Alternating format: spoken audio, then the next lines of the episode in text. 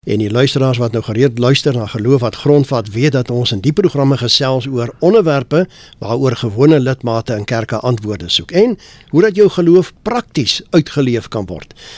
Ek verwelkom vanaand hier by my vir professor Christina Landman. Sy's buitengewone professor in teologie aan Unisa. Goeienaand Christina. Goeienaand Flip, goeienaand luisteraars. En dan sou lekker om vir ons hier vanaand by ons te hê vir Dr Pieter Visser. Hy's medeleraar van die NG Kerk Weerda Park en hy's ook 'n pastorale fasiliteerder. Goeienaand Pieter. Goeienaand Flip en goeienaand almal. Hierdie program gee nie aan jou as luisteraar voorskrifte van presies hoe om te lewe nie, maar riglyne waarbinne jy self keuses kan maak. En RSG stem ook nie noodwendig saam met die opinie van enige persoon wat aan hierdie program deelneem nie. Dit is eintjie krog wat oor die huwelik sê As ek die dag my hand in joune sit, sal ek my padkaarte bære met die wete my reise op soek na jou is nou verby. Iemand anders weer sê 'n suksesvolle huwelik vra dat jy baie keer verlief moet raak, maar elke keer met dieselfde persoon.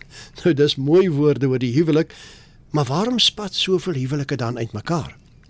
Hoekom voel heelwat jong en ouer mense deesdae dis beter om eerder saam te woon as om te trou? En dit bring my by die vraag: Hoe nodig is dit nog om te trou? 'n Geloof wat grondvat gesels ons vanaand hieroor. Maar Christina, voor ons nou regtig aan die gesels kom, ek sien een van die luisteraars skrywe vir ons hier. Sê tog asseblief, wat het hierdie onderwerp van vanaand enigsins met geloof te doen? Help vir ons. Wel, ek dink in die ou tyd, sal ek maar sê, ehm um, sê maar 40 of 50 jaar gelede, ehm um, toe was die kerk, die dominee was die huweliksbevestiger, né? En saam met die staat het 'n dominee eintlik wanneer hy 'n um, 'n uh, 'n dominee word, het hy van selfsprekend ook huweliksbevestiger geword, maar uh, dit is nie meer so nie. Ehm um, die staat uh, wil is meer en meer onwillig om geestelikes aan te stel as huweliksbevestigers. So daai uh identifikasie tussen kerk en en staat wat trou betref is besig om baie af te neem.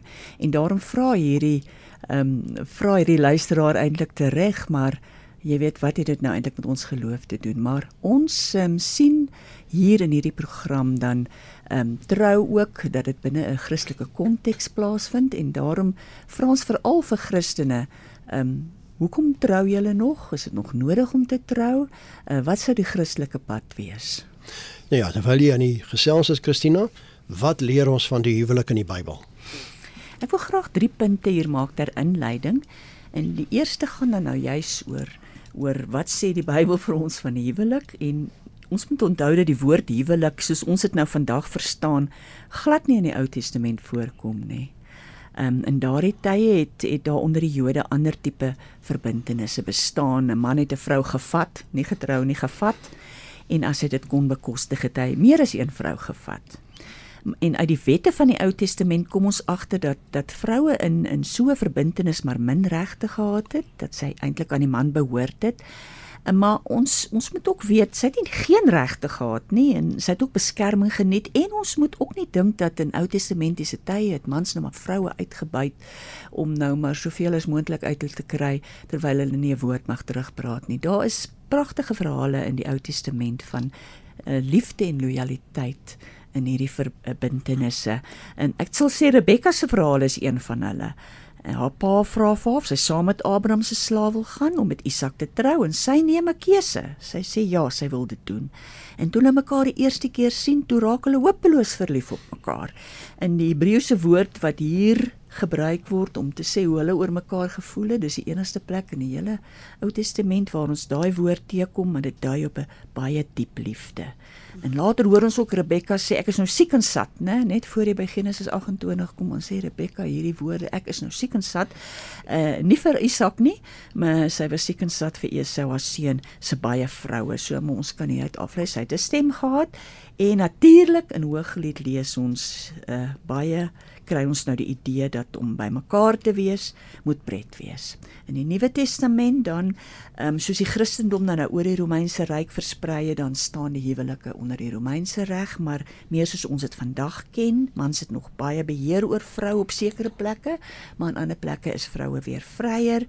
En uh, dan lees ons maar in die Nuwe Testament dat um, in die briewe dat dit veral oor die losbandigheid van die samelewing gegaan het dat jy in 'n huwelik moet wees e, en dat jy in 'n nie in 'n huwelik kan wees en voortgaan om losbandig te lewe nie.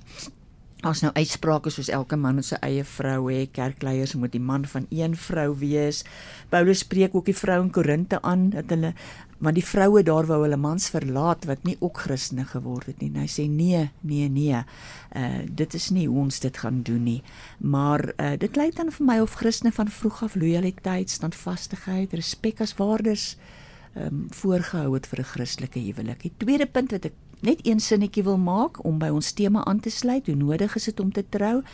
Ehm um, in Suid-Afrika wys die statistieke dat daar die afgelope 10 jaar elke jaar ten minste 22% minder mense getrou het as die vorige jaar. Dit is ons situasie hier, miskien een waar ons vanaand sal praat. Dan wil ek net ten slotte in Leiden um, 'n opmerking maak oor Christelike berading want my ehm um, praktiese teologie handboeke toe ek nog 'n student was het gesê 95% van 'n dominee se werk is huweliksberading en daarom sal 'n mens wil hê dat 'n dominee, 'n pastoor, 'n geestelike leier opleiding hierin sal hê. Maar onthou net Christelike berading is nie quick fixes nie nie iets soos bid net meer dan sal alles regkom of sies Christene moet hulle nie so gedra nie.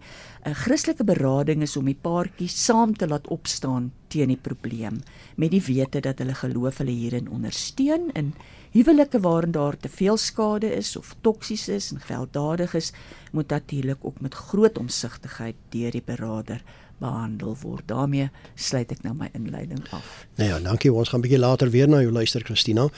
Pieter ek sien Cecilia sê sy's volgende maand 45 jaar getroud. Sy's nie een keer spyt nie, maar mense kyk haar snaaks aan. Hoe kan sy so lank by een mens wees, nê? Nee? Baie is, geluk. Ja, ja, ja, ek dink ons moet vir haar baie geluk sê. Ja. En ehm uh, dan sê uh, Gert Stander van der Aar Hy sê hy sê die skrif stel die huwelik baie duidelik. Nou hy noem klaagliedere, miskien is dit hooglied waarna hy verwys, maar hy sê dit is van baie duidelik. Hy wil graag hoor wat sê ons daaroor. En dan natuurlik uh iemand anders Christa van Brit sê dis waar so hartseer dat mense nie meer wil trou nie. Ons gaan bietjie daarby uitkom later. Pieter, waarom trou mense? So ons het nou by Christina gehoor hoekom mense in die Bybelse tyd getrou het. Ek dink vandag trou mense meer vir romantiese redes of hulle voel aangetrokke tot mekaar. Um maar dit kan baie keer ook wees dat mense trou as 'n gevolg van skuldgevoel, nê? Nee?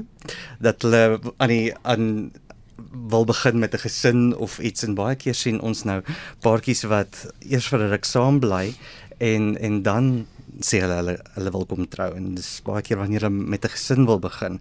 Um so die praktyk deesdae is baie meer dat mense saam bly en dan kom trou wat wat ons sien. Maar ek dink dis juis ook 'n plek die huwelik waar mense se behoeftes vervul kan word, waar jy emosioneel veilig kan voel en waar ons geborgenheid by mekaar kry. Ek dink die staat of die wet gee vir mense ook baie meer veiligheid binne 'n huwelik as paartjies wat net saam bly. Ja, en dit is nou die ander kant weer van die saak, waarom skei mense, Pieter? So mense dink baie keer huweliksprobleme gaan net oor geld of intimiteit of die gebrek daaraan of verskillende opinies wat hulle het. En ek dink as 'n mens dink na die aan die Engelse term van opposites attract, is dit is dit baie keer dat mense aangetrokke voel tot tot iemand wat die leemte wat ek binne my ervaar vir my kan speelbeeld. Ehm um, so ek gaan soek iets van daai leemte binne iemand anders en as ek dan nie ook my eie kinderwerk doen, my eie kinders self dalk gaan ontmoet, want dit kan wees dat ek ehm um, een van my primêre versorgers, my ouers, uh daarso dalk 'n leemte ervaar het en ehm um, nie daai daai uitgeleef kry nie gaan soek ek dit dalk in 'n in 'n eggenoot.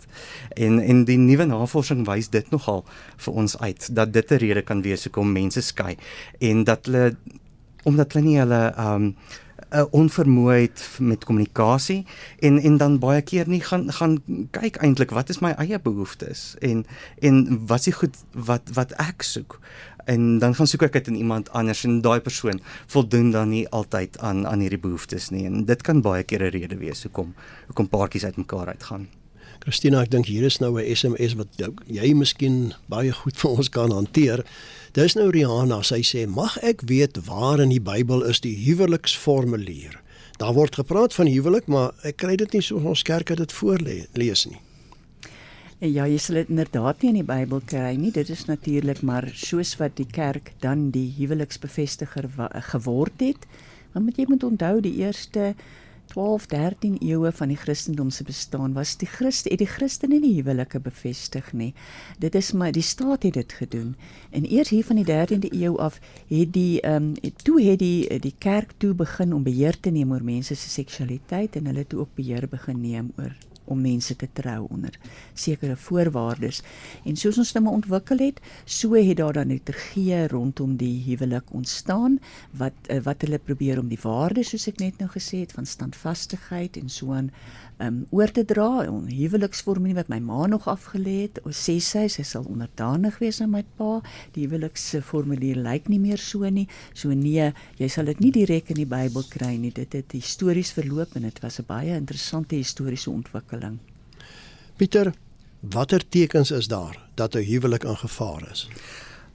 John en Julie Gottman het onsaglik onsaglike goeie navorsing gedoen oor verhoudings en juis ook watter verhoudings maak dit en watter verhoudings hou dit nie.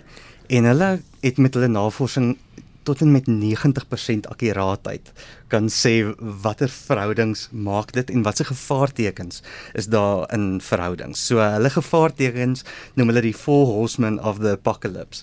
En uh die een is kritiek, soos ek klim in jou karakter in kritiek. Ehm um, dit klink baie soos jy dink nooit aan hoe jou gedrag ander beïnvloed nie. Jy's selfsugtig en dink net aan jou eie behoeftes. Jy neem my nooit in ag nie. Jy's nes jou pa.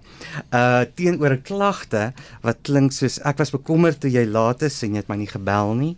Ek was onder die indruk dat ons ooreengekom het om mekaar in ag te neem. So dis die verskil tussen die twee. Die volgende een is contempt, dis om neer te sien op die ander een. So dit kan baie keer wees soos sarkasme of oorrol dis respekvol wees teenoor die ander die ander een namaak uh, 'n uh, karikatuur van hulle vorm juis met die doel om seer te maak. Dan defensiveness so dis 'n antwoord op die kritiek so ek ek ek staan my te teen jou. Um, en dit is wanneer jy voel dat jy onregverdig aangekla is jy wil jouself verdedig en jy wil jou saak stel. Um, en dan speel jy onskuldig dat die ander persoon jou moet uitlos teenoor wat wat daai kan help is om die probleem jy het nou baie mooi gepraat van dis ons teenoor die probleem. Om eerder die probleem te eksternaliseer en saam te span teen hierdie probleem um en jou apart van die probleem te sien sodat jy self makliker in die ander persoon se skoene kan plaas en hulle behoeftes dan ook in ag kan neem. En dan ook die laaste een van hulle volsmen is stonewalling. So om te ignoreer dat daar 'n probleem is daar is nie 'n probleem nie. En dis 'n reaksie dan teenoor contempt Nou ja, Pieter, ek kry so baie SMS'e hier wat wil praat juis oor die saamwoon of nie meer trou gedagte nie. En uh, nou my vraagie aan jou, daar's baie mense, veral ouer mense wat 'n lewensmaat verloor het en nou wonder of hulle weer moet trou of eerder maar kan saamwoon. Ek wil jou raad hoor, maar ek wil net eers hier vir jou sê dat uh, byvoorbeeld Hans het gesê van Christene word verwag om te trou en dan 'n belofte voor God en die gemeente af te lê, maar as hulle geskei het, dan gaan hulle sommer na die prokureur toe. Waarom dan nou nog trou? Die wet beskerm in elk geval die wat saamwoon. Daar's ehm um al baie eintlik op synodes hier oor gepraat juis as gevolg van redes soos mediese fondse en pensioenfondse wat wat ouer persone nie beskerm as hulle weer sou trou of dan is daar pensioenfondsvoordele of sulke tipe goed wat gaan wegval. So ek dink daarom sien ons baie keer dat dat van die ouer persone dan nie weer sal trou nie juis omdat hulle dan met hulle reeds karige inkomste moet moet klaarkom. Um as mens kyk na Jesus se optrede en Jesus se optrede veral teenoor sisteme wat mense te neerdruk, dan dink ek moet ons juis eintlik van die kerk of as gelowiges se kant af juis kyk hoe kan ons daai mense beskerm? En dan juis eintlik ehm um, daarvoor opstaan, juis om ehm um, om vir hulle ruimte te gee. Maar ek dink wat ons ook moet sê is dat in verhoudings ons legitimiteit moet gee aan mense se verhoudings. So as as dit nou soos ouer persone is wat dalk gekerk is maar nie gepapier is nie. Dat dat mense sê okay goed ons het respek vir hulle verhouding en en hulle is bymekaar vir 'n rede. Maar hulle is nie wettig getroud nie. Alles hulle nou nie wettig. Ja ja, dis dis nie 'n burgerlike huwelik nie. Ek sien hierso Christa van Brits sê dis vir my so hartseer dat mense nie meer wil trou nie. Die beloftes wat ons voor God maak en die gaste as getuies is so spesiaal. Maar Pieter Hoe Christelik of onchristelik is dit om eerder saam te woon as om te trou? Ek hou van die bewoording van daai vraag. En as ons reeds nou nou gesê dat dat die huwelike in die Bybelse tyd anders gewerk het. Um dan moet ons dalk vra, juis is dit Christelik of onchristelik? Hoe het Christelik? Hoe het Christus mense hanteer? En een van die maniere hoe ons mense sien hanteer uh, word dit deur deur Jesus was in Johannes 4 die Samaritaanse vrou oor die put. En as 'n Joodse man uh dan met 'n Samaritaanse vrou in die publiek gaan praat het, was dit reeds taboe geweest in daai tyd. En hy sê vir in vers 16, gaan roep jou man en kom terug hierheen. En die vrou het hom geantwoord, ek het nie 'n man nie. Jesus sê vir haar, jy sê dit reg, 'n man het ek nie, want jy het 5 mans gehad en die een wat jy nou het is nie jou man nie. Jy het die waarheid gepraat. En in die volgende gedeelte praat Jesus nie oor haar man of oor haar huwelik of hoe skandalig dit nou is nie. Hy praat daarso eerder oor hoe mense nader aan God kan kom. So vir my sê dit daarso dat op Jesus se se se agenda is hoe mense 'n verbintenis met God kan hê eerder as wat is die sosiale konstrukte rondom mense en dat mense binne daai konstrukte met veilig veilig voel. Ek sien hier gas van die Vrystaat het laat weet mense praat deesdae van lewensmaats en hy sê dit sluit 'n huwelik uit. Maklike manier om seks te regverdig sê hy. Pieter, jou kommentaar? Ek ek dink binne binne die vorige binne die vorige een, ek dink lewensmaat sluit nie noodwendig huwelike uit nie. Um maar ek ek dink ons ons kan juis kyk na na hoekom mense het baie het mense baie keer daai behoefte om om eerder dalk nie te trou nie. Uh wat se voorbeeld het hulle gehad as kinders? Uh hoe het hulle groot geword? Wat se beeld van 'n huwelik het hulle gehad? So ek dink daar's daar's altyd 'n rede. Dit kan of wees as gevolg van die voorbeeld wat hulle gehad het, as of as gevolg van van magsmisbruik van van kerke of of van mense wat gemaak het dat hulle sê maar ek wil nie binne hierdie instituut wees nie. Um persoonlik voel ek dat jy meer veiligheid en ruimte binne 'n huwelik sou kry. Um maar ek kan nie vir almal voorskryf nie. Inderdaad so. Nou ek het vir hulle gewaarsku voor hierdie program begin het dat hierdie vraag gaan kom en hy kom regtig Christina na jou kant toe. Sal dit 'n sonde wees om byvrouens te hê? Abraham het dan byvrouens gehad. Hy was dan so godvreesende man. Ja. Ehm um, kyk, dit is toegelaat deur die Ou Testamentiese wette en kultuur. Ehm um, maar ek weet een keer, ehm um, ek dink dit was in 1999 het ek nogal die vraag gevra, ehm um, sou dit goed of sleg vir ons wees as 'n man nou met meer as een vrou kon trou? En daarna het ek ten minste selfs nou nog so 10 oproepe 'n dag gekry vir mense wat uh, werklik hulle behoeftes uitgespreek het om in so meer um, uh, meer maatverhouding uh, toe te tree. Uh, dit is egter onwettig in ons land behalwe as jy aan 'n spesifieke kultuur behoort wat waar die kultuur dit toelaat, polyga, poligamie of polygenie as ons dit so wil noem, dan kan jy so 'n wettige um, huwelik ehm um, ehm um, aangaan. Maar ehm um, jy kan dit nie 'n uh, uh, wit persoon byvoorbeeld kan dit nie doen nie. Dit is uh, ongelukkig of gelukkig is dit onwettig. Nou as die luisteraar so baie fokus hier op uh, saam woon en saam bly sonder om getroud te wees Pieter watter alternatiewe sou daar wees vir 'n huwelik? En is dit haalbaar? So ek dink die denominasie waarna ek behoort sit juist klem op op op 'n huwelik en 'n huwelik tussen 'n man en 'n vrou. En onlangs het het ons denominasie selfde geslagverbintenisse ook ehm um, binne sekere gemeentes wat dit sou goedkeur. Ehm um, sou daai predikante dit kan bevestig. Maar ek dink ehm um, soos ek vroeër gesê het dat as ons kyk na die verhoudings wat daar is dat ons vir mense ruimte gee en um respek het vir die tipe verhoudings wat wat hulle het. Um binne ons land om by Christina aan te sluit, het ons siviele huwelike, tradisionele huwelike, siviele verbintenisse. Daar's daar's 'n legio uh, verskillende reëls en regulasies waarbinne mense mekaar sou sou kon vind.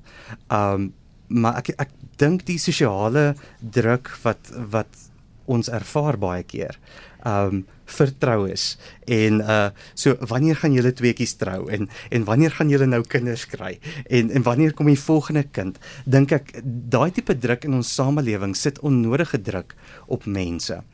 En dat ons eerder in in in die styl soos soos van Jesus eintlik eerder kyk om om uh strukture daarso vir mense te hê wat hulle um hulle liefde teenoor mekaar soos hulle liefde teenoor God kan uitleef. Ek dink dit is dis die aard van die huwelik of die aard van die verhouding wat ons sien in Genesis is um hoe hoe die man en vrou daar so teenoor mekaar uitgeleef het en eintlik daai verhouding daarso is hulle verhouding teenoor God wat hulle op 'n manier uitgeleef het. So ek dink ons kan ruimtes daarvoor skep. Die die bekende ruimte wat ons nou daarvoor het is die is die huwelik maar dat ons nie legitimiteit wegvat van ander persone wat in ander tipe verhoudings sou staan nie. Wat ek wel dalk net sou wou by sê is hoe hoe anderster weg van die die norm wat ek nou in aanhalingstekens hierso hou um hoe duideliker gaan jou kommunikasie moet wees. Want jy is dan op ongekarteerde grond en en dat julle kommunikasie met mekaar dan net baie duidelik sal moet wees. Nou in ons tyd, ons lewe ongelukkig, hoe sê die dominees altyd Pieter in 'n gebroke wêreld, nee, yes. gebroke samelewing. nou, maar dis van die Bybelse tye. Ja, dit is dis maar al die jare, nee. Hoe gewens is 'n tweede of 'n meerdere huwelik want baie huwelike loop maar op die rots, hè? Hoe gewens is dit nou 'n tweede of 'n meerdere huwelik en waarna moet mense oplet? Ek het nou nogal gedink daaroor en um met my kollega gepraat juis oor hierdie vraag en hy's nogal aspres. Hy sê as as as paartjies na hom toe kom vir 'n tweede of 'n derde huwelik, dan's een van die vrae wat hy vir hulle vra so, um, sê vir my wat was jou bydrae gewees tot tot die verbrokkeling van jou vorige huwelik? Um, ek dink wat 'n mens sal met ernstig in ag neem is wat is jou behoeftes? En wat is die goed waarin jy gewoonlik in strikke trap?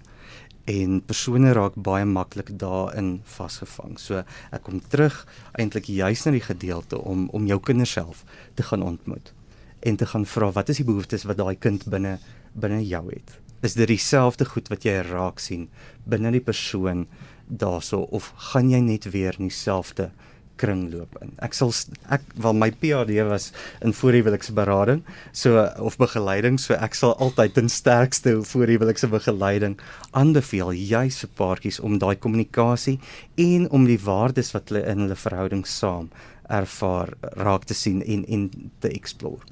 Pikkie eh, vra vir ons Pieter. Hy vra hierso gaan die siening oor die huwelik oor beginsels soos God wil hê of wat mense se begeerte is. Die siening van die huwelik in die Bybel, soos Christina vir ons uitgelig het, is baie anders as as wat ons vandag raak sien. Ek dink wat jy sien uh um jy sien Efesiërs 5 van hoe vrouens en mans teenoor mekaar in die huwelik moet wees en jy sal daarin sien dat dat Paulus alreeds 'n progressie maak en en meer vryheid aan aan vrouens gee in daai tyd. Um want dis nou juis uh, uh ruimtes wat wat betree word wat gewoonlik nie betree sou gewees het deur die deur die res van van 'n gemeente of van 'n kerk in in in daai tyd nie. So ek sien 'n progressie daarso. Ek sien respek daarso. Ek sien um 'n vryheid en intimiteit binne huwelike. So ek dink dis alles waardes van die Bybel en waardes van van Christendom wat wat ons daarin sal kan sal kan inlees. Maar ek dink ons moet sê dat die Bybel van of dat die huwelik vandag baie anders lyk as daai tyd. Ons dink hier is besig om vinnig uit te loop en ag ons sou nog so baie lank kom praat. Hier kom soveel SMS'e in. Ek sal dit deurgee vir ons twee kollegas hier, maar Christina, kom vat vir ons saam. Het die huwelik vandag nog 'n plek in mense se lewens? Ek dink wat ek gehoor het ons uh, vanaand gesê het is dat die kerk het vir baie eeue lank eintlik mense se seksualiteit beheer um deur die huwelik en dat um dit dat mense dit so aanvaar het en dat dit ook goeie gevolge gehad het en dit dat dit 'n uh, goeie waardes in die samelewing ingedra het maar vandag erken mense nie meer die kerk se gesag om dit te sê nie en dat ons met daardie situasie moet deel. En wat ek hoor Pieter sê net in 'n laaste sin is dat kerke moet sê hulle gee voorkeur daaraan dat mense trou dat hulle wettig trou dat dit wat die kerk betref eh, God se wil is maar dat die kerk ook moet beding uh, moet bedink hoe hulle saam met mense stap wat 'n ander keuse neem. Pieter ten slotte kyk vir ons vorentoe. sien jy lig in die tonnel vir huwelike of is saamwoon die nuwe tendens? Ek dink wanneer mense mekaar se stories en hulle behoeftes ken, wanneer jy op datum bly met wat is die waardes van ons verhouding, wanneer ons fokus op wat dit is wat ons saambind, wanneer ons kies om na mekaar te draai, wanneer ek kies om beïnvloedbaar te wees deur my eggenoot, dan lyk like verhoudings gesond en dan lyk like dit goed. Dan is dit ek dink wanneer huwelike sal floreer. Nou ja, ek sê baie dankie aan my twee gaste vanaand. Ongelukkig kan ons nou nie langer gesels hieroor nie. Dit is dan al 'n finansiële program, maar dankie dat jy as luisteraar so heerlik saamgesels het en dankie ook aan my twee gaste, professor Christina Landman en dokter Pieter uh, Visser vir hulle bydraes. Nou kan ek gou-gou by julle twee net hoor julle kontakinligting as luisteraars julle wil kontak, Christina. Um, iemand kan vir my 'n WhatsApp stuur by 082 377 2574. En Pieter? Jy kan gerus kyk na my webblad www.pieterjevisser.co.za. Sien net weer weer Pieter. www.pieterjevisser.co.za. En my kontakinligting flip by mediafocus.co.za. Tot volgende Sondag, dieselfde tyd. Totsiens.